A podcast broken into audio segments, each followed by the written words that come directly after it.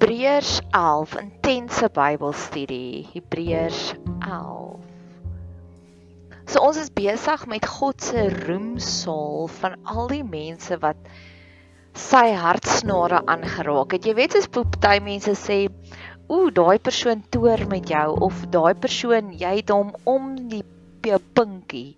Jy draai hom om jou pinkie net wat jy wil hê." En ek voel amper hierdie is die blou druk, die die manuskrip van the blueprint dit is hoe ons God nie dat ons God wil manipuleer nie want God is baie slimmer as ons maar hierdie is maniere hoe jy nader aan God kan kom. So net om saam te vat ons is nou by die 5de een. 4de een 4de een ek wil net sê Kain en Abel se storie. Ek glo wat Abel reg gedoen het is hy was opreg. Dit het my laat dink aan toe ek 'n klein dogtertjie was of skool was en ek vra vir my ma iets en sy wil dit nie eintlik doen nie, dan sal sy vir my sê ja, wat? So ek sê sal mamma dit en dan sal sy sê ja, wat? Dan weet ek sommer sy wil dit eintlik nie doen nie. In vergelyking met my vriendin wat 'n paar jaar terug het ons by die bediening 'n gebedstuin gehad en ek het vir haar gesê, "Ehm um, dit en dit, ek moet dit en dit doen." Dis sê my Nadia, "Ek wil jou graag help." En dis die verskil. As ek glo Kain het die ja wat offer gebring vir God, maar Abel het die ek wil jou graag help. Ek wil dit vir jou doen. Ek kan nie wag om dit te doen nie. So daar's die eerste een.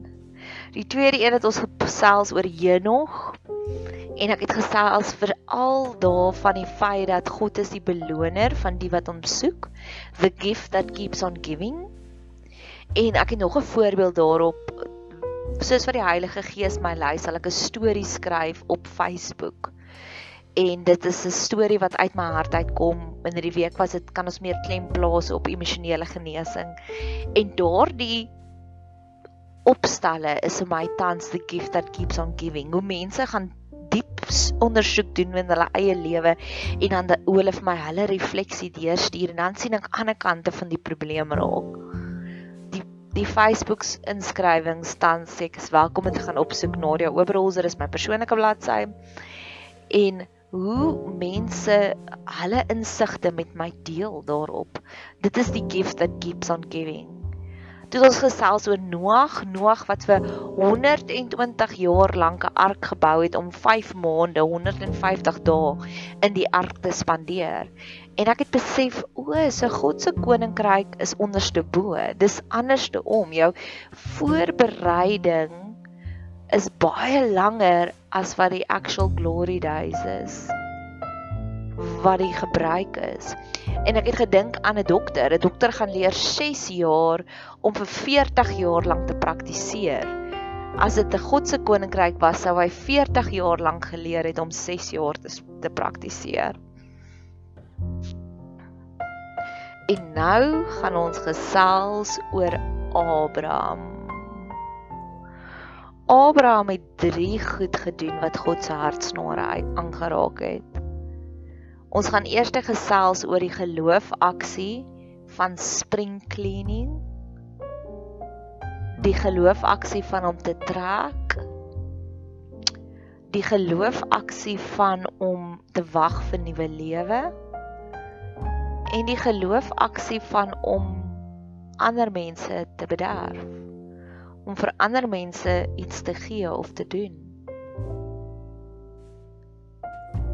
Eerste van alles wil ek gaan stil staan by die heel eerste opdrag wat God vir hom gegee het. God het vir hom gesê trek weg van jou ouer huis af. Hy het daar gebly in 'n huis en hy het gekies om te gaan bly in tente. Hy het sy lewe gedowngrade. Dit was heel eerste een van my heel eerste reise as 'n gelowige waar ek ook gedowngrade het. Elke keer wanneer ek nou trek, trek ek 'n nog 'n kleiner plekkie in en ek geniet dit nog meer. Die minimalistiese lewenstyl soos wat die wêreld dit noem, daar's soveel seën daarin. Waar ek in die grootste en die mooiste huise gebly het, maar ek het nog nooit soveel blydskap gehad soos wat ek het in hierdie kleinste ou plekkie nie. daai minimalistiese geloofsreis waarop God ons vat. Daai besef van less is actually more.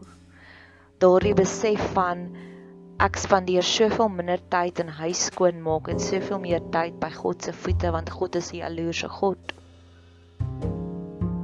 En baie kere sal ons kyk na 'n geseënde lewe en dit meet materialisties. En alhoewel Abraham later baie ryk was, glo ek jy gaan eers op 'n minimalistiese reis. Die Israeliete het uitgetrek uit Egipte land uit in die wildernis gebly en toe eers in Kanaan ingekom. Die tweede geloofaksie wat in ure in hierdie trek uit jou huis uit is iets wat ek eintlik wens daar's meer preke daaroor gedoen. Want dit is 'n toksiese geloof, toksiese godsdiens waarin ons vashou. Soveel kere ontmoet ek mense en hulle het probleme met hulle ouers. En dan sal ander geloofsleiers vir hulle sê, "Maar eer jou vader en jou moeder. Jy moet met hulle oor die weg kom." God het vir Abraham gesê, "Trek weg van jou toksiese ouerhuis af." En dit is wat uit die bestudering van die geloof die illustrasies van die geloof so interessant maak is ons kan daar is 'n lesie vir ons elkeen in dit ingeskryf. Party mense het wonderlike ouers en hulle is geseënd en hulle kan tyd met hulle spandeer. Ander mense soos Abrahams waar God sê trek weg. As jy ooit onder die burden, onder die las geloop het van ek is 'n Christen so ek moet met my ouers oor die weg kom, dis 'n leuen. God het vir Abraham gesê trek weg. En dalk is dit jou journey ook. God het jy sy geloof eers geseën die oomblik toe hy weggetrek het, toe hy onttrek het van die toksiese huishouding af.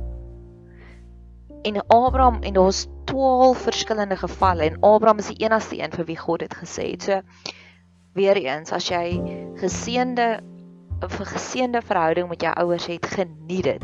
1 uit 12 het God gesê trek weg. So dalk is jy die 11. Daar is 'n seëning daarin om te stoktyk. Daar is 'n seëning daarin om te spring clean. En dis wat God gesê het. God het vir Abraham gesê: "Vat jy en jou vrou en trek weg." Mag jy in die geloofs dissipline kom om gereeld te stoktyk. Ek doen gereeld te stoktyk en baie keer is daar mense wat in my inner circle is en wat ek voel nou is die seisoen waar ek bietjie met wegtrek van jou af. En dit beteken ek is lief vir jou maar van 'n afstand af. En mense wat in my inner circle is is mense wat die WhatsApps as daar WhatsApp inkom luister ek eers na jou, né? Ek sal met jou kuier selfs al is ek in my sabbatsrus want jy's nie werk nie, jy's lekker. Daar is sekere mense wat ek voel wat vriendinne is en wat sekere voorregte het en ander wat ek moet bestuur. Ander mense vir wie ek net met liefde gee en ek ek verwag niks terug nie. Daar is 'n seëning daarin om ons lewe te bestuur. Jy hoef nie BFFs met almal in jou lewe te wees en dis wat die Abraham storie vir my leer. Ek het twee boeties. Die een is my lieflingsboetie, hy's my konfidant, hy's my vriend. Die ander een is my boetie. En dis oukei. Okay. God het vir Abraham gesê jy en Sara en Lot moet wegtrek. Nie jy en Sara en jou pa en jou ma en jou oom en jou tannie en jou neefie en al jou jou broers kinders nie. Nee. daar is 'n geloofsaksie daarin om te spring clean om te besluit hierdie verhouding is goed dit dien my dit serve my dit verryk my lewe hierdie is 'n toksiese verhouding en ek kies om weg te bly hierdie is 'n verhouding wat ek net gaan ek gaan lief wees vir jou van 'n afstand af en dit is okay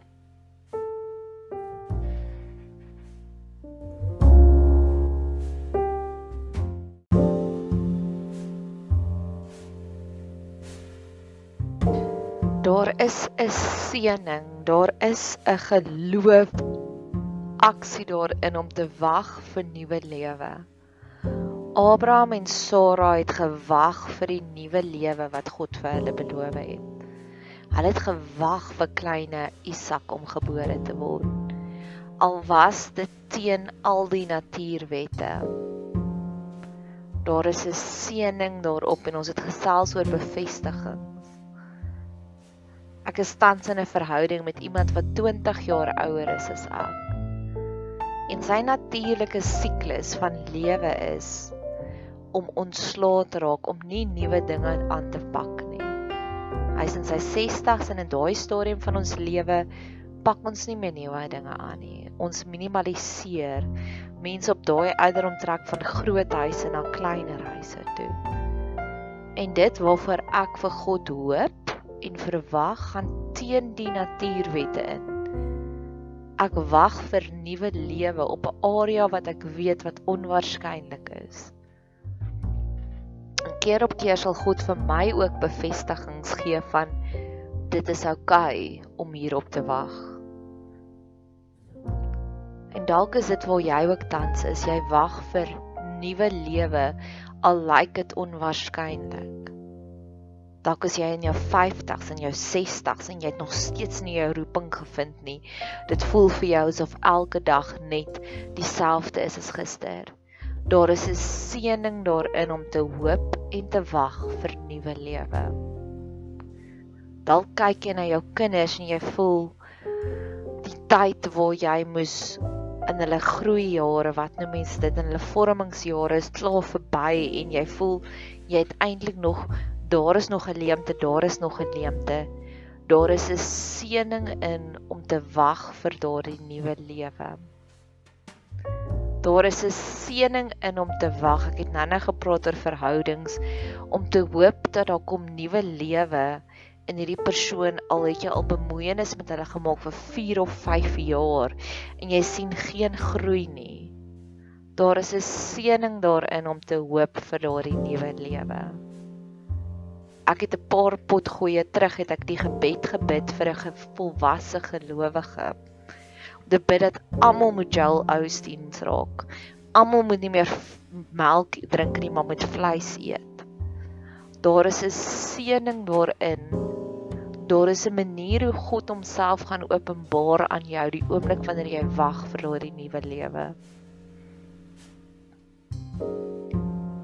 Elke reis het sy eie unieke mooi punte.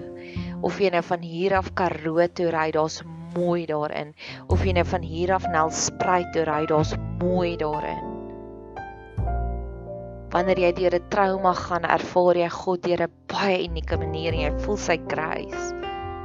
Maar ek glo daar is ook 'n seëning daarin van om vir God te wag vir nuwe lewe. En dis Abraham word geëer vir drie verskillende goed waar tot en met nou het ons almal net gekyk na een of twee aspekte. Abraham kry spesiale seën vir drie aspekte.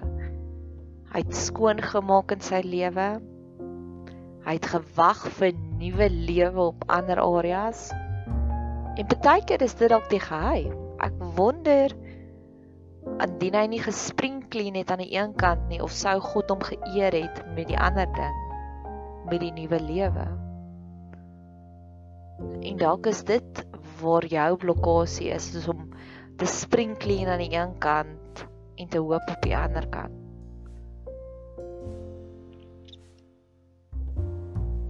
Daar is 'n seëning om te wag vir nuwe lewe. En mag jy terwyl jy die pot gooi luister, pause en notas maak en skryf, Here, dis waarvoor ek wag vir nuwe lewe. En dan die laaste een waarvoor Abraham geëer word. Hy het 'n geskenk gegee vir Melchisedek. So daar lê 'n seëning daarin wanneer ons geskenke gee vir ander mense. Dis 'n tipe van geloof wat ons uitoefen. Om 'n geskenk te gee, om 'n fisiese geskenk te gee of om 'n geskenk te gee van tyd 'n groot gedeelte van my dag word bestee op WhatsApp replies. Ek vat dit nie ligtelik op nie.